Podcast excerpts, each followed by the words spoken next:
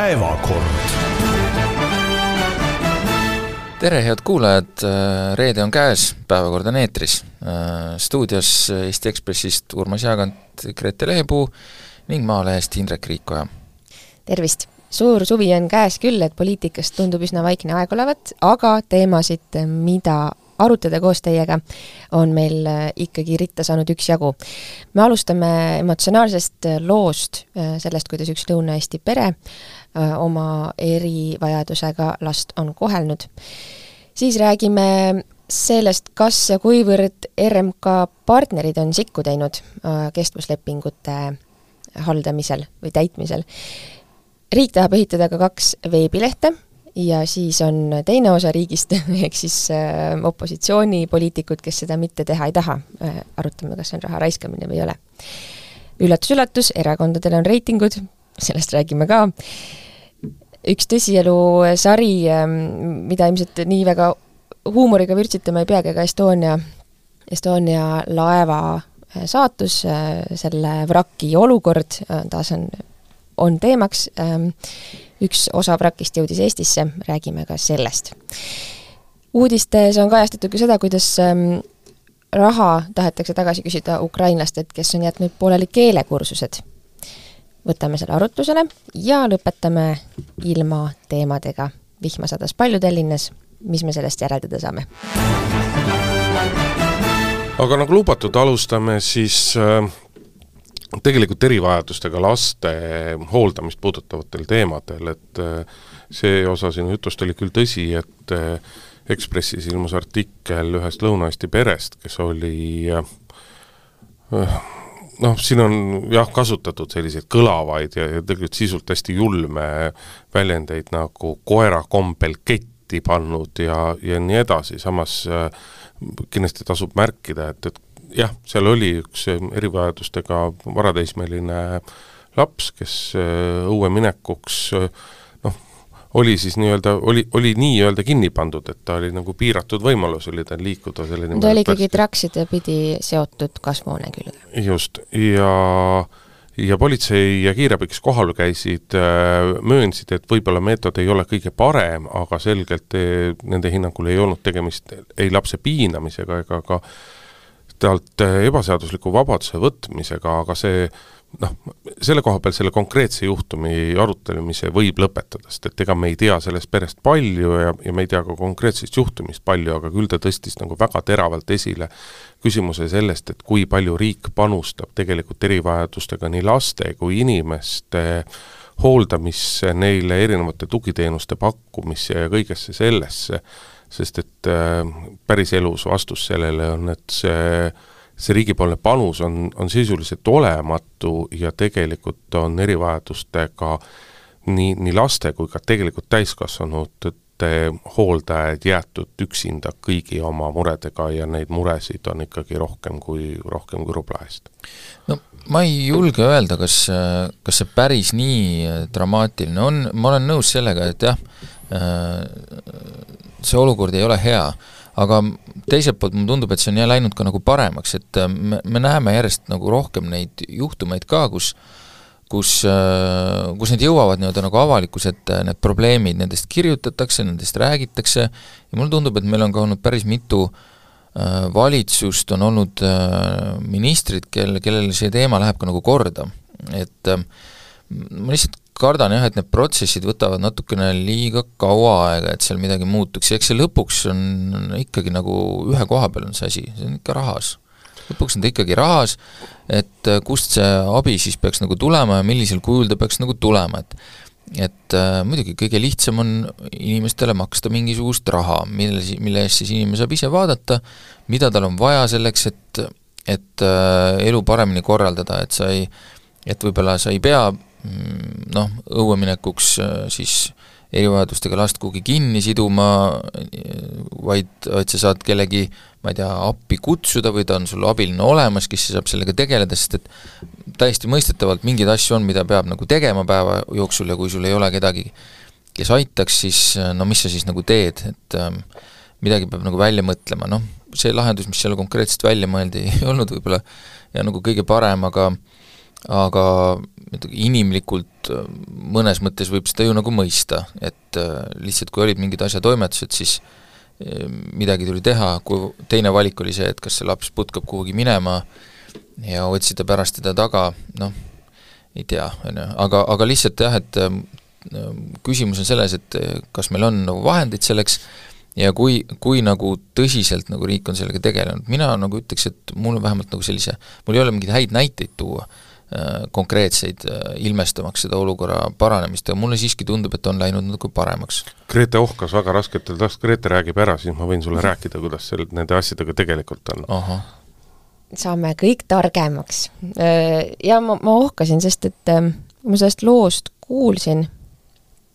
ja, ja kuulsin, et on ka video sellest olukorrast, siis ütleme, nagu ajakirjandus töötades äh, juhtub sageli nii, et nagu uudised enam ei üllata või noh, et see nagu korraks kergitad kulmu, et ahah, niisugune asi on juhtunud, aga kuna see on noh, seda infot ja uudised on, on nii sageli mm, ja siis sa oled seda õppinud kuidagi filtreerima või juba niimoodi lihtsalt nagu äh, võtma omaks. ja aga selle looga ma ütlen küll, et, et kui ma seda videot nägin äh,, mul tuli klomp kurku. sest et ja, ja selle, ja selle peale ma ohkasin, kui sa, Urmas, ütlesid, et no inimlikul tasandil võib ju nagu mõista, et noh, mis siis noh, üle jäi, kui kinni sidud, ei! mitte ühtegi tasandit ei ole, kus sellist asja saab mõista, mitte ainsatki. kas sul, Grete, on mingisugustki kogemust erivajadustega inimestega? ei, ei, sellel on väga, sellel, sellel on väga oluline, sellel on selles mõttes väga oluline vahe, et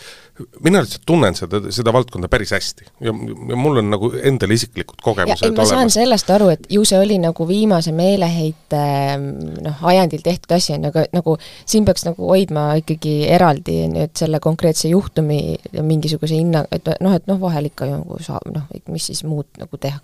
ei, esiteks tuleb niisugune asi hukka mõista ja võib-olla see viitab ka nagu asjale, et, et et äkki ei osatagi ka mm, käituda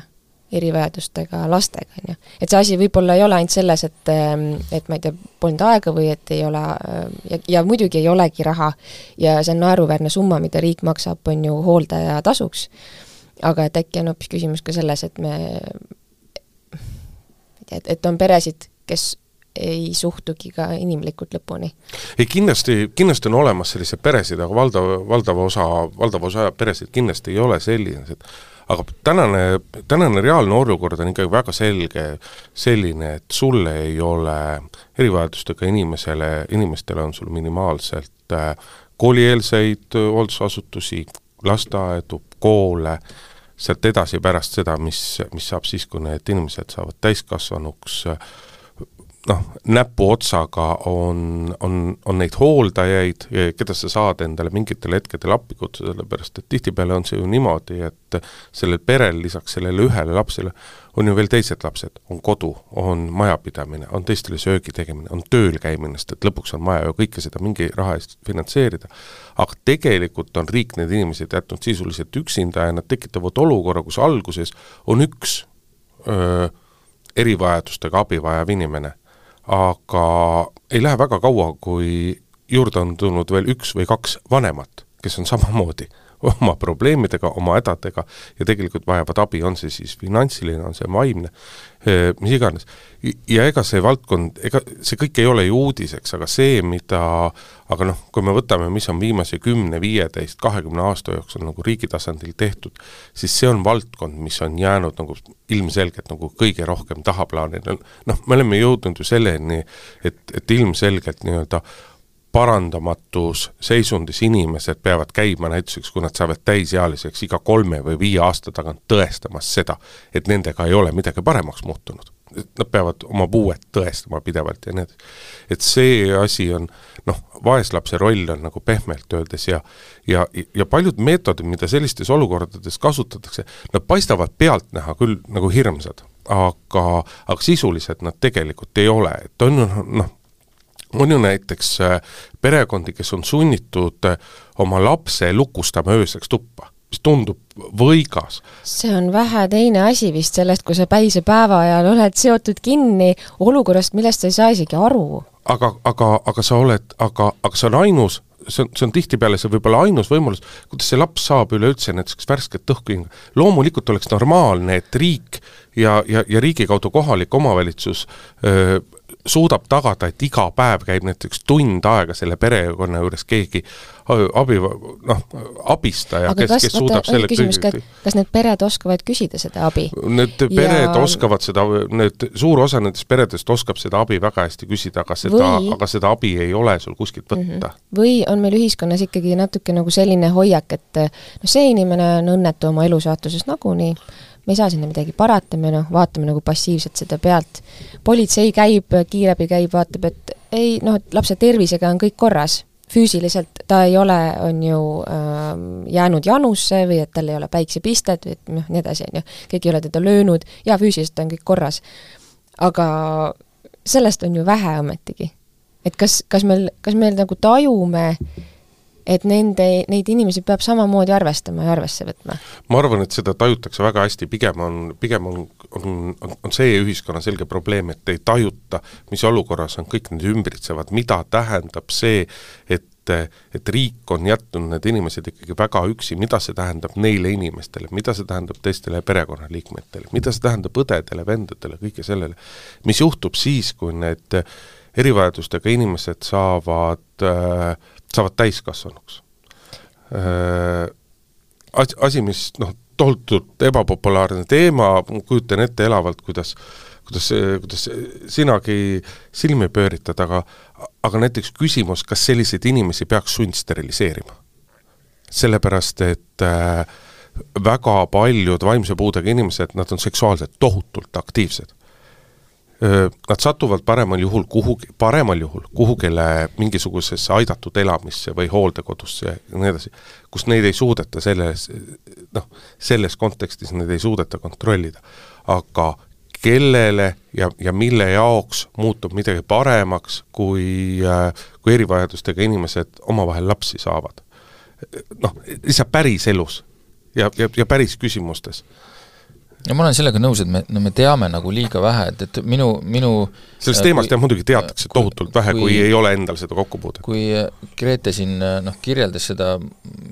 jättis mul mulje, nagu ma oleks nagu eri-, noh, kiidaks nagu heaks seda võib-olla, seda käitumist, on ju, siis ei, ma seda ei kiida heaks, ma lihtsalt püüdsin nagu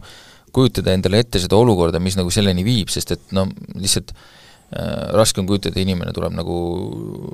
selle peale, eks ole, et äh, teine inimene nagu kinni siduda kuhugi nii-öelda nööri, nööri otsa. et, et ma lihtsalt mõtlesin selle peale, mis see, mis see olukord nagu võis olla ja noh, ma lihtsalt et kui sa otsid nendest kõik, nendest kõigist halbadest lahendustest seda kõige vähem halba lahendust, et mi-, noh, midagigi saaks või midagigi saaks teha. jah, et, et ongi, et kuna meil on nagu ühiskonnas suhteliselt vähe teadmist, siis me, siis me ei tea nagu seda nagu tausta, mis selle olukorrani nagu viib, on ju, ja kõrvaltvaatajal tõesti jääb nagu, võib jääda mingi Äh, nii-öelda vale mulje, on ju, see ja alati, mis on kõik, mis on muidugi kõige hullem selle juures, et alati ei pruugi see mulje olla vale, vaid võib olla tõesti ka nii, nagu äh, Grete siin kirjeldas, et äh, need inimesed lihtsalt nagu kuidagi tegelevadki nende asjadega nagu teistmoodi, peavad teisejärguliseks ja siis me, siis me nagu ei oska enam nagu lõpuks vahet teha, et millisel juhul me peaksime kuidagi hukkamõistvalt reageerima, millisel juhul nagu mitte või kus me seda probleemi peaksime nägema, et et ma jään ikkagi nagu selle juurde, et et siin on nagu küsimus selles, et me nagu teame sellest vähe ja meil ei ole noh, riigi panus kindlasti jõudnud sinnamaani, kus ta nagu võiks olla, nii et, et need inimesed saaksid, saaksid jääda ise tervise juurde, nii nagu Hindrek ütles. no nii, aga kas automaksu siis äh, tõstame veel rohkem, et saaks selle raha kokku või kust me, kust me seda raha nüüd siis leiame? noh, raha on võimalik igasugustest kohtadest leida, noh meil on võimalik ju mõelda näituseks äh, erakondade toetuste, riigipoolsete toetuste vähendamiseks ja nii edasi, noh, aga me, me võime lõpetada sel, selles vaidluses demagoogia ja, ja mille kõigega, aga aga mis mulle selles konkreetses juhtumis nagu noh, nii-öelda meeldib või millest mul on nagu nii-öelda hea meel, on see, et et kui me vaatame noh, nagu mis osaliselt ajakirjanduses, aga ka sotsiaalmeedias, kui suur nagu arutelu on sellest paisunud, siis mina ei ole kuskil näinud, et, et oleks sotsiaalminister sõna võtnud või mingisugused riigiametnikud oleks sõna võtnud. mul on selles, selle üle selles mõttes see hea meel, et et see, et see on nagu aastakümnetega nii kaugele läinud, see, see on kõige selgemakujulisem riigi tegemata töö. Ja, ja, ja siin ei ole tõesti riigil, riigi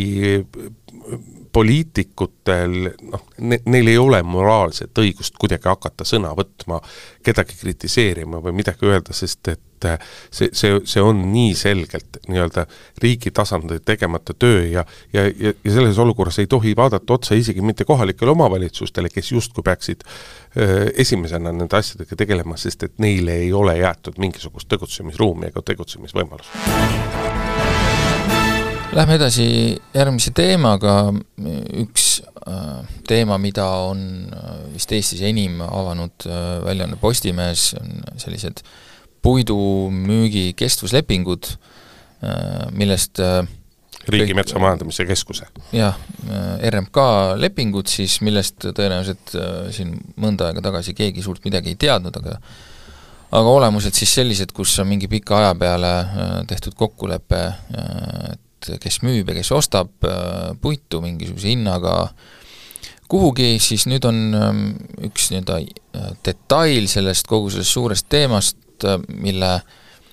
sisu on olnud ühiskonnas seni nende kestvuslepingute kritiseerimine, on siis see, kuidas üks maksuvõlglas, võlglasest ettevõte on siis saanud sellise lepingu hoolimata sellest, et reeglid justkui ütlevad, et riigile maksude osas võlgu olev ettevõte ei tohiks selliseid lepinguid endale saada, aga paistab, et on saanud. et ähm, noh, siin on muidugi, on see üksikjuhtum on üks küsimus ja teine küsimus on siis needsamad need äh, lepingud või see süsteem üldse, kuidas kuidas selle puiduga majandamine meil nagu riigis käib. et selle konkreetse juhtumi puhul äh, näib küll natuke sedamoodi, et et seal on midagi läinud kas valesti, kas keegi on jätnud midagi kontrollimata või on teinud seda nagu hooletult või ma ei tea, liiga harva siis, või siis on keegi kuskil mingit silma kinni pigistanud millegi ees minu arust on head kolleegid, kes selle kestvuslepingute teemaga on nagu tegelenud, nad nüüd lõpuks on jõudnud ka ometi tõepoolest ühe nagu pointini. et see, meil on riigi eeskirjad sellest äh, selles osas, et äh, kui sa tahad osaleda mingisugustel hangetel, mingi, kuidagi olla riigiga mingis mõttes majanduslikes suhetes, mingit tehingut sooritada, siis see nii-öelda maksuvõla puudumine või maksuvõla ajatamine, see on, see on, see on hästi karm, hästi range reegel. Ja, ja, ja väga selgelt RMK on siin nagu vaadanud sellele, sisuliselt vaadanud läbi sõrmede, isegi kui kui teoreetiliselt nii-öelda kuskilt justkui on nagu kõik konksud õiged, siis sisuliselt ei ole seda mõ-, selle seadusesätte mõtet täidetud, aga kui me mõtleme sellele kestvuslepingule kui, kui sellisele, siis tegelikult on see nagu täiesti normaalne normaalne äriajamise osast, et ükskõik, kes midagi toodab, on see siis, ma ei tea, piim, diivanid, raudlatid või, või mis iganes, siis iga tootja huvi on see, et ta suudaks endale võimalikult pikas perspektiivis tagada võimalikult stabiilse sissetuleku. Ja on täiesti loomulik, et oma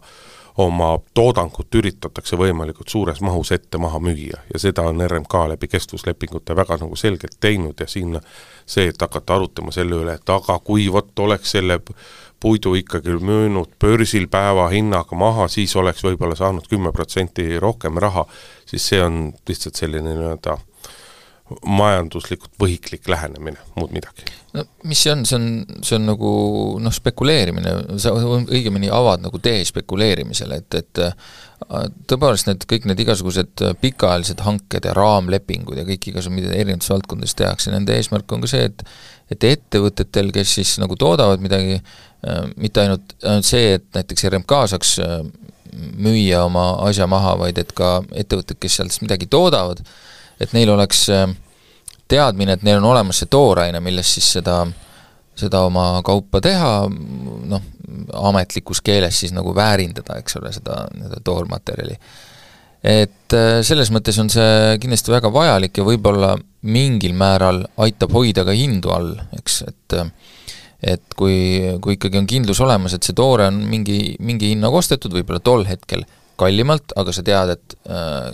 pikas perspektiivis hinnad tõusevad ja sa saad seda natuke odavamalt, mis terve perioodi peale kokku teeb sellise täitsa mõistliku hinna, oletame. siis, siis võib-olla natukene süda lööb ka nagu vähe rahulikumalt ja sa ei pea nagu muretsema selle pärast, et kas sa pead oma toodete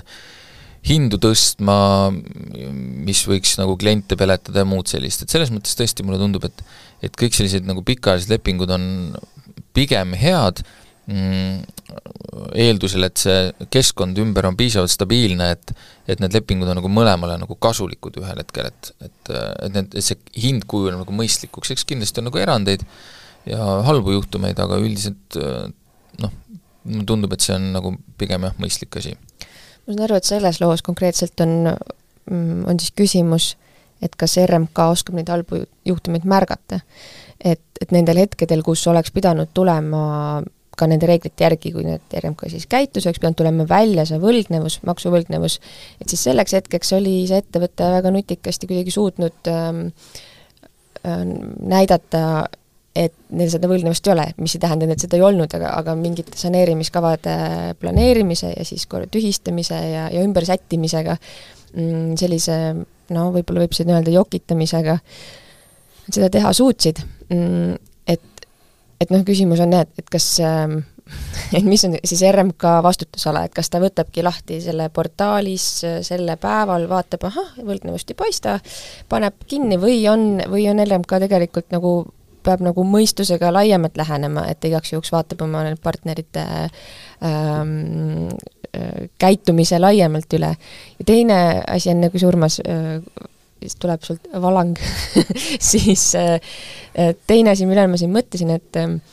et need mahud, millest me räägime, need on sajad tuhanded eurod ja no päris, päris suured hulgad. Et Eesti-sugusel turul on, on sageli probleem ju ka see, et ei olegi väga palju valida nende ettevõtete seast, kes selliseid kohustusi suudaks täita ja, ja seda hallata. Jaa, mis ma tahtsin öelda, see on, see on väga hea point, mille sa välja tõid, et, et et äh, mismoodi riik seal toimetab, et kas ta vaatab korra ja kas kõik on, kõik paistab nagu korras või võtab nagu mõistusega, aga siin ongi see, see häda, et äh, mis on nagu avaliku ja erasektori nagu selles mõttes vahe, et et kui, kui mul on eraettevõte, ma, mulle tundub, et see teine ettevõte, kes tahab minuga äri teha, et temaga nagu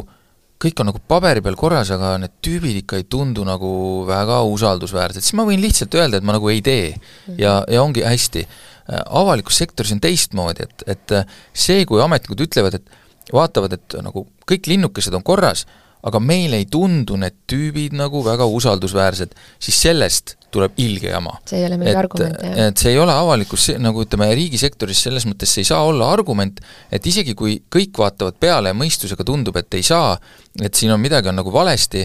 aga kui paberi peal on kõik korras, siis on nagu selge see, et asi lõpeb kohtus ja kaotusega, sellepärast et millegi põhjal peale nagu nii-öelda sisetunde, mis muidugi ametnikel on olemas, no kui sa valdkonnas tegutsed, sa ju tead, kes on seal sellised äh, nihverdajad, kes on, äh, kes on ausad,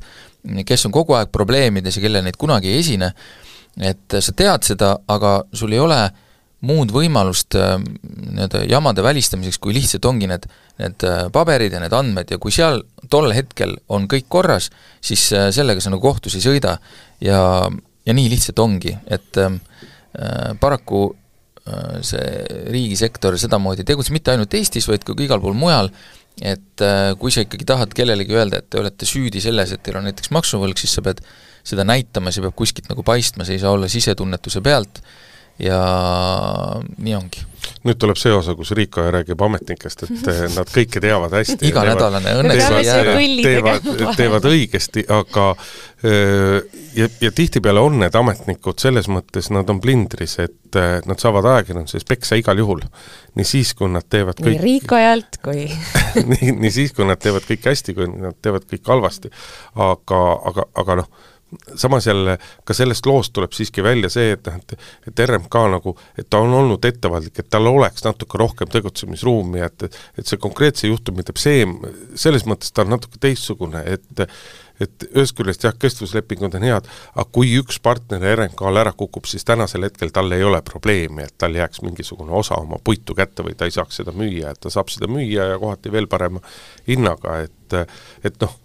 tegelikult nii-öelda mõelda ja, ja avaramalt mõelda tasub alati. ma lihtsalt nii, ma lihtsalt nii palju ütlen vahele, et kaalutlusõigus on ikka olemas äh, avalikus sektoris, lihtsalt Äh, lihtsalt sul peab olema midagi millestki kinni võtta, äh, midagi nagu näidata,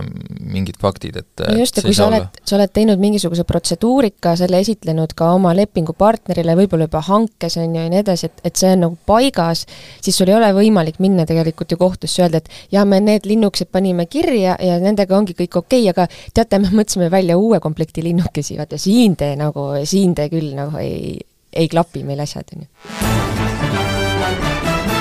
järgmine teema, äh, jätkame mõnes mõttes samas valdkonnas, mida, mida siis riik kas teeb äh, hästi või halvasti või ei peaks üldse tegema. Äh, nüüd on siin kuidagi juhtunud nii, et ähm, kaks komplekti veebilehti on kuidagi saanud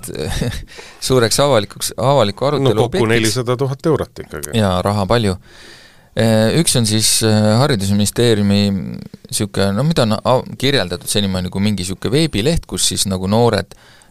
vanuses, äh, mis seal oli, mingi seitse kuni kakskümmend seitse, pakuvad oma mingeid ideid kohalikele omavalitsus, omavalitsustele ja kus siis nagu see peaks nagu siis põhimõtteliselt tähendama noorte suhtlust siis kohaliku omavalitsusega. noorte kaasamis ka, veebileht. kaasamise veebileht, eks ole. ja sellest on tulnud ilge kisa, et kas seda peaaegu seal kolmesaja tuhande euro eest ikkagi nagu peaks tegema, siin on, siin on nii mitu kihti, et ma ei teagi nagu täpselt, millest alustada, et et võib-olla sellise asja klaariks kõigepealt ära, et et äh, seda on ka natuke seletatud, mis see siis endast kujutab, see on ikkagi ma, natuke ma segan sulle korra, ma segan sul, ma selles mõttes segan vahele, et ma, et see teine veebileht ka, mis oli kõne all, see oli siis nii-öelda Kultuuriministeeriumis sada viiskümmend tuhat ja Eestis elavatele välismaalastele mõeldud asi, veebileht, mis tehti valmis ja siis suri sisuliselt ära. jah, et selle surnud hobuse kaevame välja natukese, võib-olla siis nagu hiljem, sest see, mulle tundub, et see on lihtsam juhtum aga see noorteleht Haridusministeeriumilt on selles mõttes keerulisem, kuigi seda on esitatud väga lihtsana, et see on osa mingist suuremast projektist, kus tegelikult äh, maksab vähemalt enamuse sellest kinni Norra, kellel on hulk niisuguseid projekte, mida nad Eestis teevad erinevates valdkondades. siis las minna. see on üks nendest, ei, tahame, seda me võimegi arutada, et kas siis minna või mitte. Ähm, ma olen nõus, et äh, kui on Norra maksumaksja raha, et ka see ei peaks minema nagu suvalisse kohta aga projekti järgi muidugi nad on leidnud, et see on hea mõte, nad on selle kinnitanud ja leidnud, et äh, tehke niisugune asi. et äh, vot seda ma nüüd ei tea, kas nad ise pakkusid selle välja või oli see meiepoolne idee, aga nüüd on kõik kuidagi leidnud, et see on ikkagi, huvitav on see, kuidas see on kujunenud selliseks ma ei tea, kuidagi raiskamise sümboliks mõnes mõttes, et äh, mingi veebileht, mida noored ilmselt kunagi ei kasuta, millega ma natuke olen nõus, et, et see tundub nii ajast ja arust nagu lähenemine, et teeme teile ühe passiivse sellise lehekese, kus te siis saate käia panema, panna kirja oma ideid, kus siis äh, kus need siis ripuvad ja siis äh, mingisugustel töötundidel oma tihedast päevast kohaliku omavalitsuse ametnikud võtavad siis neid lahti, hakkavad neid seal siis vaatama, kui palju, palju mõni idee on saanud punkte või ma ei tea, südameid või, või pöidlaid ja siis midagi sealt nagu ellu viima. et selles mõttes ei tundu nagu väga moodne lahendus,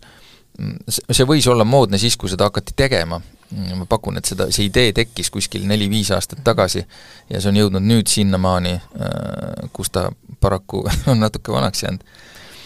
Et äh, selles mõttes, et see idee kindlasti ei ole mingi suurem asi, aga ma ei tea, kas see on ka nagu selles mõttes nii hull raiskamine, eriti kui meile üritatakse millegipärast jätta muljet, et sinna läheb Eesti maksumaksja raha, aga me võime rääkida sellest, kas Norra raha võib sinna kuluda või, või huvitav, kui kaua norrakad meid siin arenevat ühiskonda veel äh, rahastavad? Kaua see kestab? kaua-kaua, sest et neil on ikkagi oma karmavõlg oma suure naftakaevandamise pärast ja nad ah., nad veel ah, pikalt ja pikalt selle okay. jaoks, et ennast nii-öelda nagu puhtamaks okay, saada, mitte ainult Eestisse, vaid igale poole. siis on väga hästi, sest et mina mõtlesin, et Eestist nagu ühel hetkel äh, tuleks nagu tunnistada, et tegelikult me oleme suureks saanud ja tegelikult me saame hakkama endaga. me ei vaja humanitaarabi. me ei vaja enam humanitaarabi jah, ja, ja, ja nätsupakke Ameerikast paljulapselistele peredele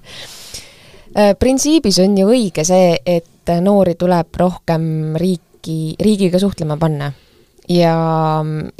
aga jah, mingi veebileht, sa isegi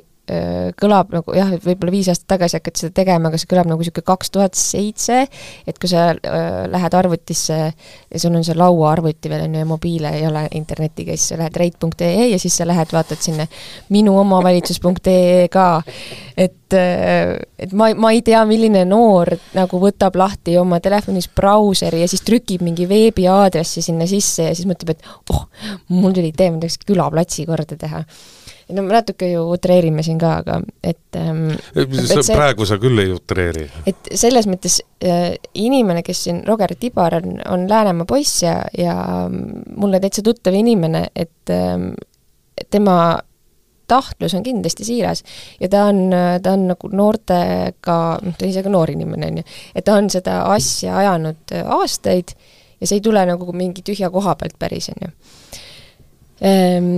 aga jah, et nii võib-olla ikkagi nagu seda teha ei saa. samas, et nüüd, kui me veebilehte hakkame ehitama, mm, see on hästi kallis projekt, ma arvan, et see nelisada tuhat ka, et me saame kaks veebilehte neljasaja tuhande eest ja see ei ole ainult, on ju, tekstide kogum, vaid sa kirjeldasid, siin saab mingisuguseid hääletusi teha, asju. see on väga kallis nagu, see on juba fancy veebileht, see lähebki maksma nii palju et selles mõttes ma oleks, ma oleks nõu-, ma olen nõus, et kui me teeme mingi asja ja mulle tundub see Kultuuriministeeriumi projekt nagu tegelikult isegi vajalik, et kui me teeme midagi, teeme siis korralikult. Äh, ja, ja siis et meil, meil on Eestis liiga palju neid riigi või, või omavalitsuse loodud mingeid veebilehti, mis näevad kohutavad välja, on kohutavalt kasutatavad ja katki ja, ja nii edasi, et äh, ärme loo seda digiprügi juurde, teeme siis korralikult töötava asja, aga see vist ähm, jaa, mul, ma lugesin üllatusega, et see on see Norra rahade eest tehtud asi. Äh, ja siis ma mõtlesin, et pagana poliitikud, et kui küüniline see on praegu siin nagu oma teiste võitluste jaoks, on ju, rääkida sellest, et vot, no siin on kokkuhoiukoht. igasugust sihtrühma ikkagi tuleb püüda sealt kohast, eriti veel noori sealt kohast, kus need noored on ja kui siin selles diskussioonis on ka nagu välja tulnud, et justkui riigil oleks nagu keeruline minna, ma ei tea, TikTok'i või või kuhugile mõnda teisse noorte seast noorte seas reaalselt kasutatavasse portaali oma mingisugust alamlehte või, või mida iganes tegema, et see ei ole selles mõttes jutt ega asi, et et kui praegused seadusandlus seda ei luba, siis tuleb,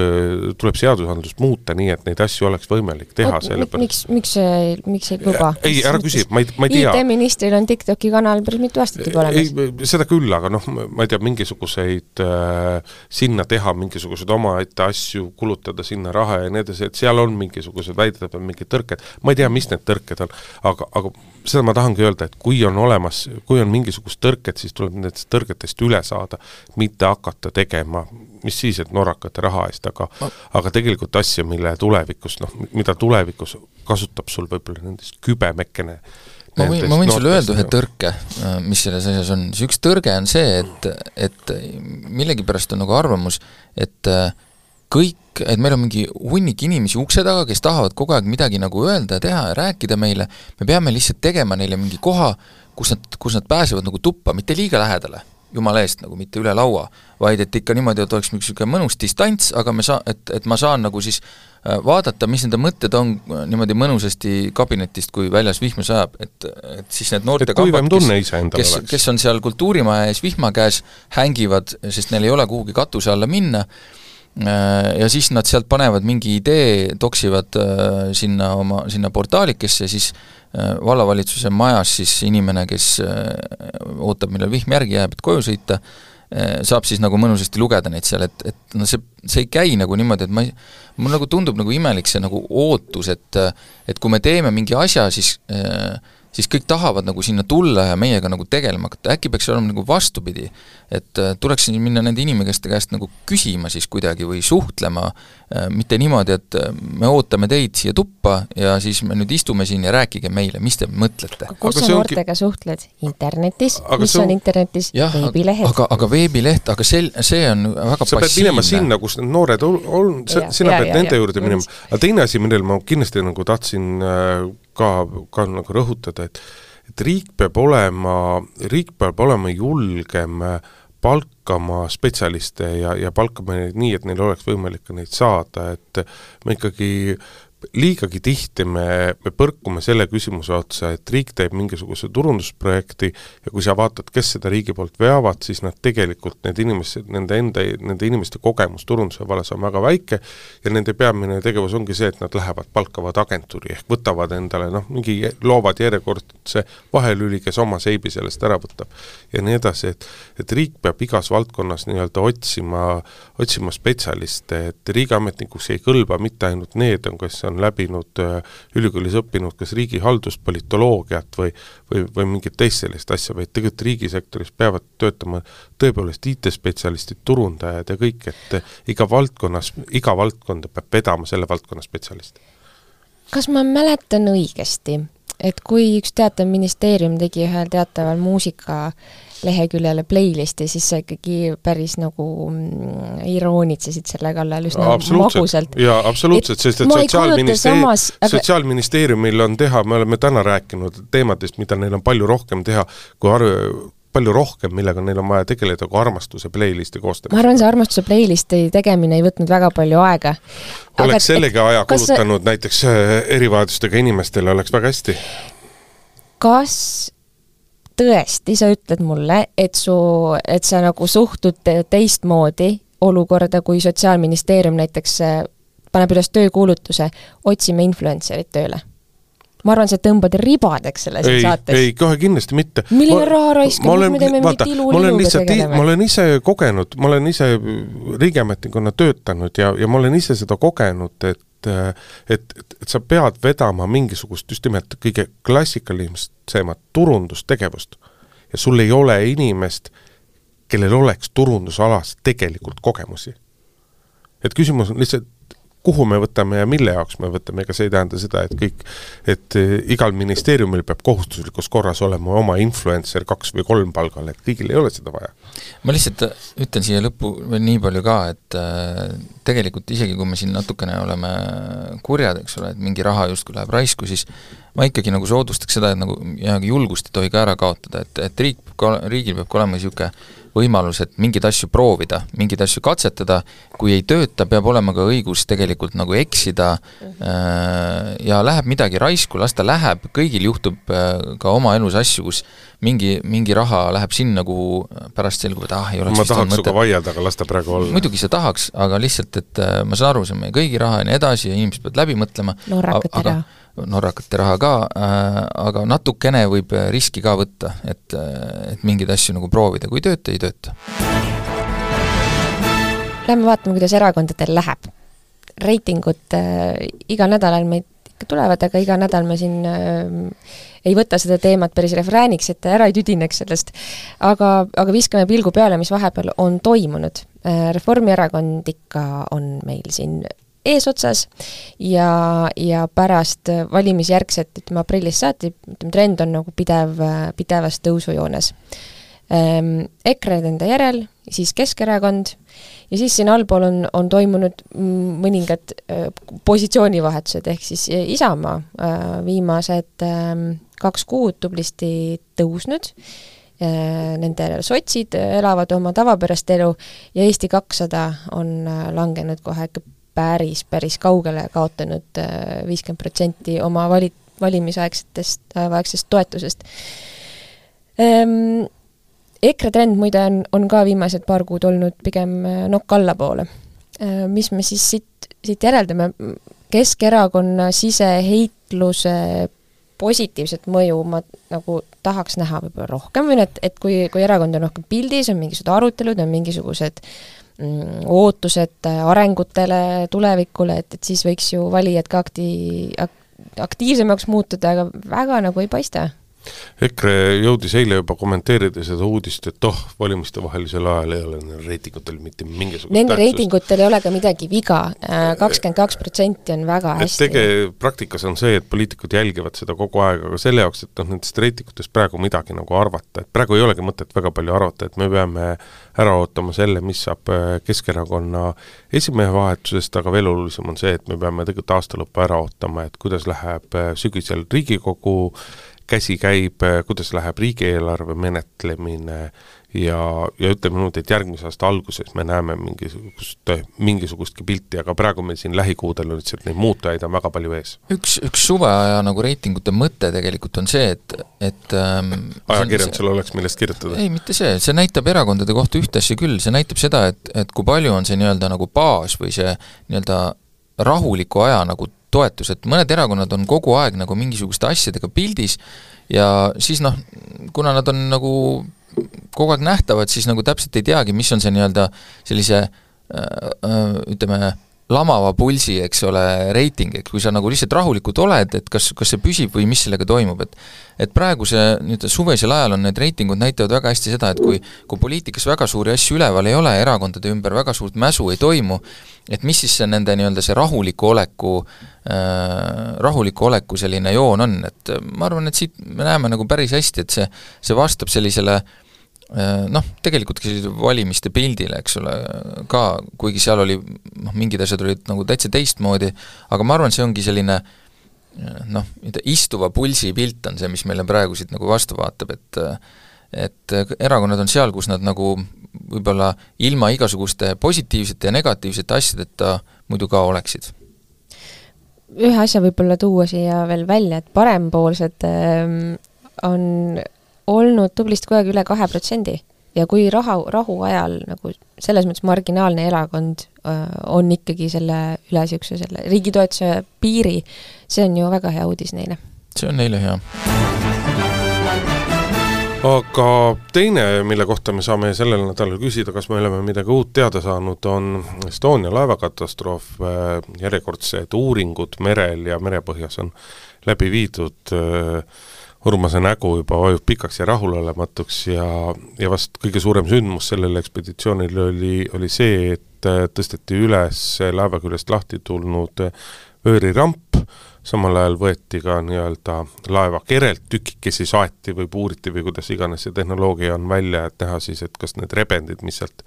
nüüd kahekümnendal aastal avastati, et kas need on tekkinud hiljem või või, äh, või juba tekkinud õnnetuse ajal äh, noh, ega me praegusel hetkel ei saanud tõenäoliselt vist veel mitte öö, väga palju teada, aga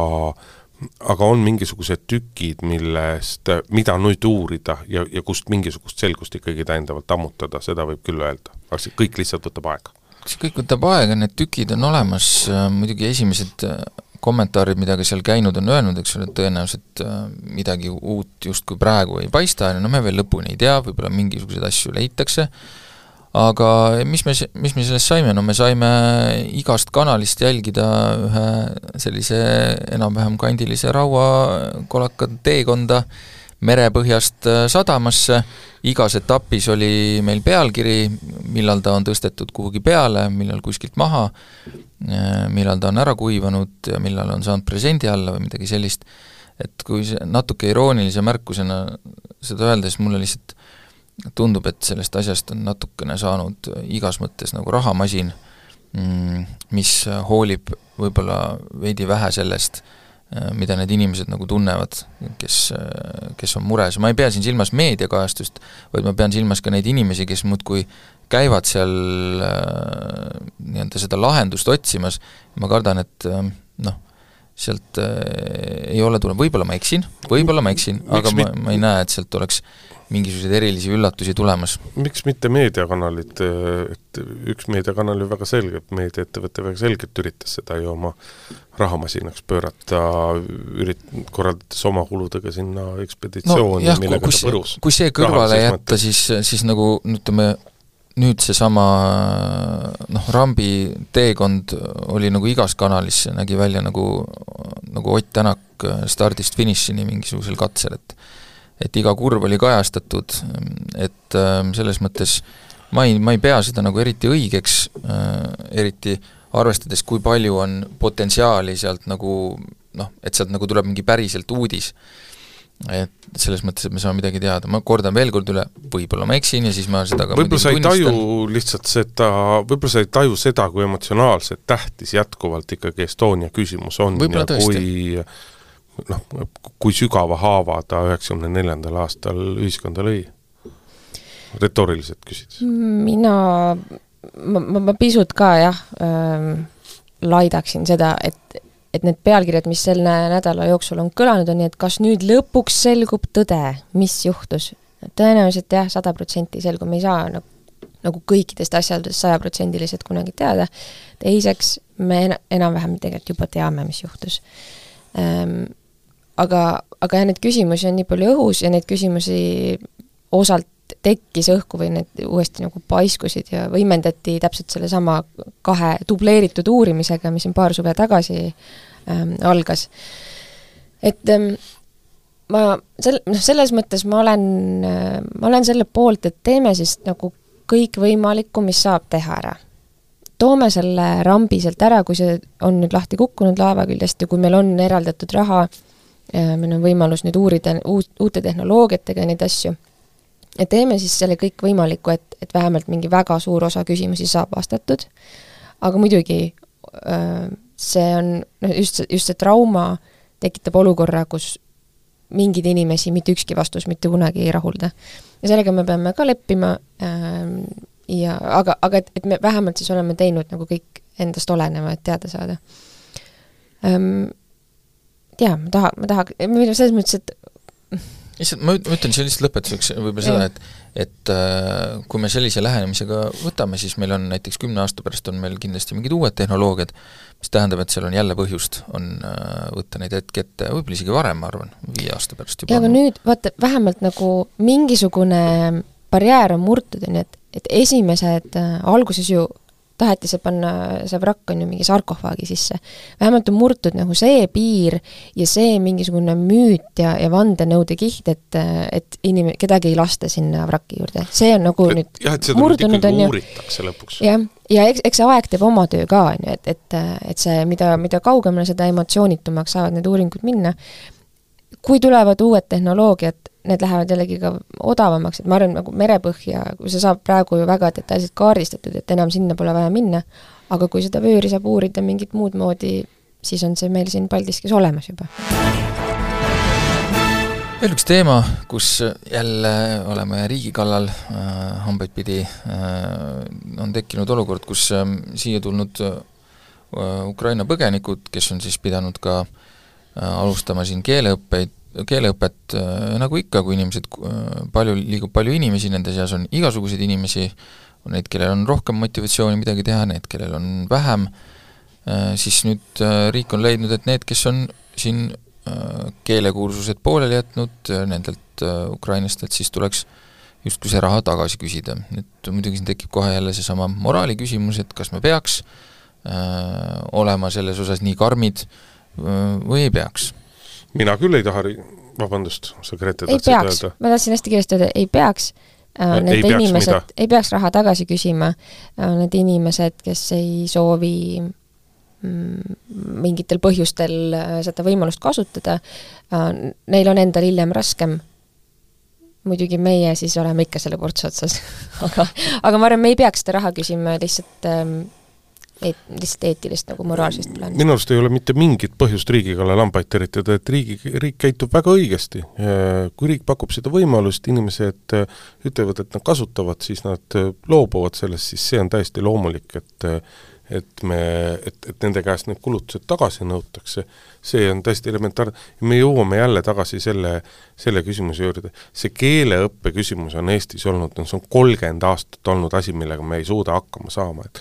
hakkama kuidagi saada, et äh, jälle ma kordan seda, et, et miks meie vastavad spetsialistid ei käi Soome kolleegidelt õpet-, õppimas. Soome kuidas, küsib raha tagasi? kuidas Soome, kuidas Soome saavutab, kuidas Soome saavutab selle, et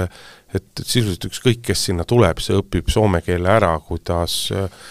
kõik äh, mitte põlist Soome päritolu inimesed, ütleme siis niimoodi, räägivad töökohtades, lasteaedades, koolides äh, soome keelt, et kogu tegevus käib soome keeles ja nii edasi.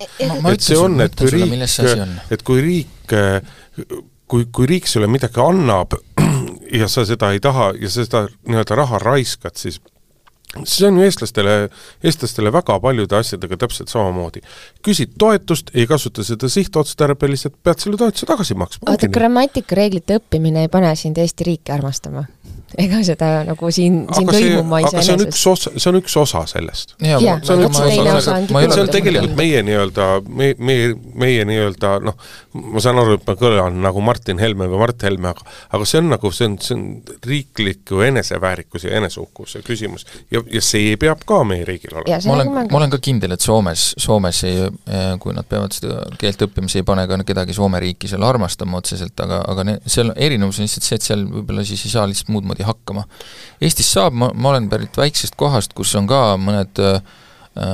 Ukraina äh, põgenikud äh, ja seal, seal, see on selline koht, kus, kus on ajalooliselt ei ole eriti palju venekeelseid inimesi olnud kunagi, ja kõik ja, nad räägivad. ometi nad saavad seal selle vene keelega hakkama, ega, ega väga tegele, mitte kõik neist muidugi, aga mõned, ei tegele selle eesti keele õppega kuigivõrd, sest et sest et kui neil on kellegi kokkupuude, siis need eestikeelsed inimesed, kes seal väikses kohas elavad, Äh, ei ole vene keelt ammu kasutanud, siis nüüd pursivad, äh, meenutavad kõike, mida nad on õppinud äh, vene keelest ja püüavad sellega seal siis toimetada. aga see on ju jabur. aga on, aga ma ei, vot mina ei ole täpselt aru saanud, miks see nii käib, aga millegipärast eestlastega see nii, nii on, ma võib-olla üldistan liialt, aga millegipärast see nii on, et et kuidagi see niimoodi läheb ja ma arvan, et eks küllap see on mingi ajalooline trauma, aga, aga need inimesed, ma ei pane seda selles mõttes Ukraina põgenikele ka nagu pahaks, sest et tõesti on nii mugavam ja kui, kui see teeb, nende elu ei ole väga mugav äh, võõras riigis, et kui see teeb nende elu nagu mugavamaks, siis ma saan täitsa aru, miks nad seda võimalust kasutavad, ainult noh, küsimus ongi tõesti, et kas me peaksime seda mugavust neile nagu lubama mingi periood on see kindlasti mõistlik, mingilt maalt äh, kui võib-olla enam nagu ei ole, kas see piir on käes, seda mina ei oska veel öelda. mulle rääkis üks, üks tuttav, kes käis Rootsis ülikoolis, kas vist oli doktorantuuris või no võin, ühesõnaga ütleme, et tegutses ülikoolis. ja talle öeldi kohe algusest peale väga selgelt ära, et äh, me anname sulle kõik võimalused, et rootsi keelt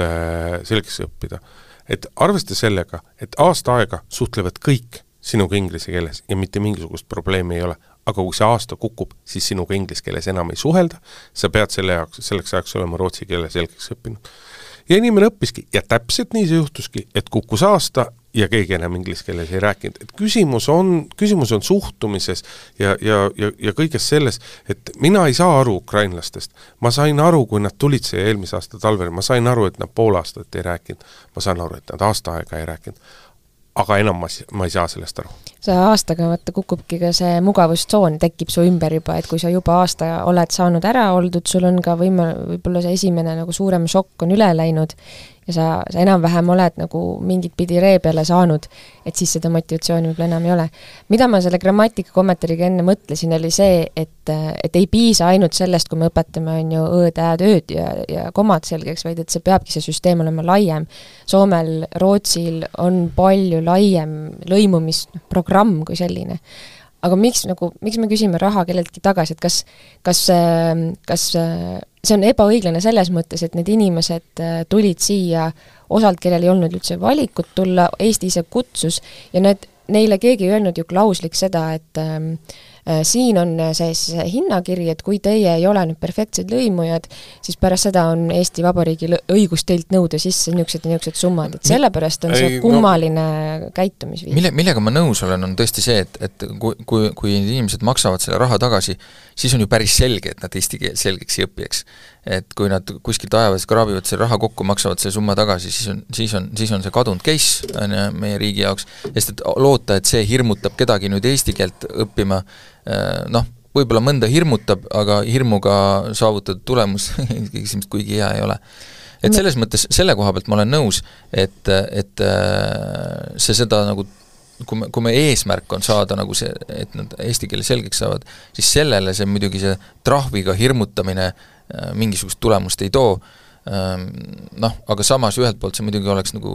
mingis mõttes oleks see nagu õiglane küll, kuna need kulutused on tehtud, aga seda, seda ei ole nagu kasutatud, et äh, keeruline. ma teeks üleskutse kõigile eesti keele kõnelejatele, et järgmine kord, kui te sõidate taksoga ja taksos äh, juhib autot mitte eesti keele kõneleja, siis äh, ärge minge üle sellele teisele keelele, vaid jääge eesti keele juurde. Ja tegelikult siit vaikselt hakkab pihta see, see keele hoidmine ja säilitamine. Aga saate lõpuks räägime pisut ka ilmast, sest et me pole küll inglased, aga Eestis on saanud ka sellel suvel heaks tavaks ilmast rääkida, mina sõitsin teisipäeval äh, Saaremaal ja, ja Pärnumaal ringi ja päev otsa sadas, aga ei uputanud, mina saan aru, aga Tallinnas ma saan aru, et teil uputas? mõne koha peal, igal pool ei uputanud. mõne koha peal uputas, mõne koha peal, küll nüüd mitte Tallinnas, aga üle Eesti, õnneks sa seal ei sõitnud, kus olid meil ka vist mingid tornaado moodi asjad, et ma ei teagi, kas see jutt on nüüd ilmast või kliimast, räägime pigem ilmast, et äh, ma olen kohanud ka jälle seda, see on iga kord muidugi, kui selline asi juhtub, vanasti oli see nii-öelda hipodroomi lähedal olev selline madalam koht, kuhu niisuguste rajumate sadudega kippus vesi kogunema ja siis iga kord küsiti nendelt kommunaalametnikelt üle, et miks see vesi ära ei lähe ja siis kommunaalametnikud seda seletasid. ja see põhjus on, igalt poolt leiab muidugi põhjuseid, üks, üks muidugi täiesti adekvaatne põhjus on see, et et küsimus on, mil määral me peame ehitama süsteeme ekstreemsustele vastavaks, selle võrra nagu kulutama nendele rohkem, kui selliseid asju juhtub võib-olla korra aastas, korra kahe aasta jooksul, sest et olukord oli ekstreemne, sellist vihma väga tihti ei juhtu, et kas meil, kas me peame dimensioneerima oma asjad nagu ekstreemsuste järgi. Üks vastus oleks, et ütleme, lühiajaline vastus oleks, et ei pea. et see oleks, see on liigne kulutamine, see korra uputab, me kannatame selle ära et teine vastu, teine pikem vaade, pikema vaate küsimus on see, et kui me eeldame, et selliseid asju hakkab juhtuma tulevikus rohkem, äh, siis on küsimus, et äkki me siiski peaks äh, natukene asju dimensioneerima ekstreemsemate äh, nii-öelda võimekuste pool, ära, ära talumise või ärakannatamise poole, et et see on küsimuse koht, et ühest küljest tundub see nagu raiskamisena, kui me vaatame võib-olla kümme aastat ette, muidugi selle ajaga jõuab Tallinnas kõiki tänavaid üles kaevata päris mitu korda ja uusi sinna rajada süsteeme, aga ikkagi, et äh, võib-olla põhimõtteliselt me peaksime peas hoidma mõtet, et selliseid asju võib hakata juhtuma tihedamini, mis tähendab, me peame ka nagu selle peale mõtlema. Põhimõte võiks muutuda küll äh, selles suunas, et tegelikult kõike ei pea lahendama miljoneid eurosid väärt pumplate ja, ja sadeveekollektorite ehitamisega, näiteks meil ei ole linnas eriti üldse selliseid ähm, rohealasid, mis suudaks vastu võtta vihma et arvata on, et, et tee uputab ja muutub äh,, muutub Emajõeks siin Tallinnas, kui on ainult asfalt kõik, et sealt ei saagi vesi ju kuskile ära minna, et, et kui need äh,, need restid äh,, kust vesi peaks ära voolama, on ju võrdlemisi väiksed ja, ja ühesõnaga, et see vihma sajab nii palju peale ja lihtsalt seda äravoolu ei toimu. Aga tegelikult on olemas süsteemid linnaruumi jaoks, äh, mis on ilmselt odavamad rajadest, et sa ei pea seda maa alla ehitama. On mingisugused kraavilaadsed asjad, mis saavadki siis tiigiks sel hetkel, kui vihma sajab, äh, rohealad, nagu naturaalne lihtsalt pinnas, mis võtab ise vihma ära, äh, ma tahaksin näha seda muutust, et meil ei ole vaja arendajatega võidelda siin nagu noh, selles mõttes arendajatele ei pea ka järgi andma, aga samas me ei, me ei peaks nagu nõudma tohutuid investeeringuid Äh, kui äkki saab ka muud moodi või äkki saab kombineerida neid süsteeme? ei no ega see kõik see, millest sa räägid, on tegelikult moel või teisel on see ikkagi investeering, küsimus on, kas seda teeb arendaja, teeb no, seda jah, riik jah, või kes jah. iganes. me kindlasti ei pea võtma praegu selle kallal, et meil praegu sellist võime, võimekust ei ole, aga me tulevikus peaksime mõtlema, aga noh, seal on ka, eks ole, kuskil on, kuskil on mingid piirid, et kas me peame oma kõrghooneid hakkama ehitama ka maavärina kindlatena, sellepärast et kui aus olla, siis Eestis tegelikult ikkagi aeg-ajalt maa veriseb. ei no see ei kuni... ole no,, no just, see ei ole tõsiseltvõetav jutt ikkagi. ma selle, ei ma selleni tahangi jõuda, eks ole, et noh, me võime oma nende küsimustega minna absurdi, aga, aga, me ei tohi ei ole absurd. ei, ei, ma räägin selles mõttes absurdi, et, et, et kas meie kogu äravoolusüsteem peab olema noh, nii-öelda valmis ka, ka kõige hullemaks, kõige hullemaks. Või me siiski ka tulevikus võime leppida sellega, et äh, et, et kord või kaks aastas on, äh, ma ei tea, kas sadama juures või kuskil mujal on, on tund aega nagu üleujutus. Mm. Et ma arvan, see tund aega üleujutust ei olegi hull, aga, aga min-, lähme kõnnime uutel teedel, tänavatel, mis rajatakse, minu kodukandis tehti uus ilus tee, ma ei tea, kes seda projekteeris ja kes selle, nagu tähendab, ma tean, kes selle tellis ja vastu võttis, aga iga kord, kui vihma sajab, on tohutu lomp, ja jalakäijad ei saa sealt kuiva jalaga läbi, sellepärast et äh, veel ei ole kuskile minna, on niisugune asfaltist kauss on tehtud meile sinna.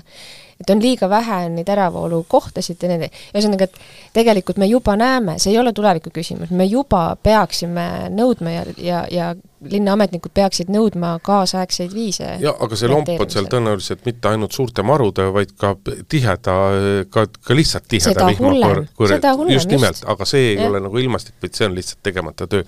Aga tõmbame tänase saate otsad kokku, sest et uksele juba prõmmitakse, Urmas Jaagant, Grete Lehepuu ja Hindrek Riikoja olid stuudios, ilusat nädalavahetust, ilusat nädalat ja tuleval reedel kuuleme jälle! nägemist! Kuulmiseni! päevakord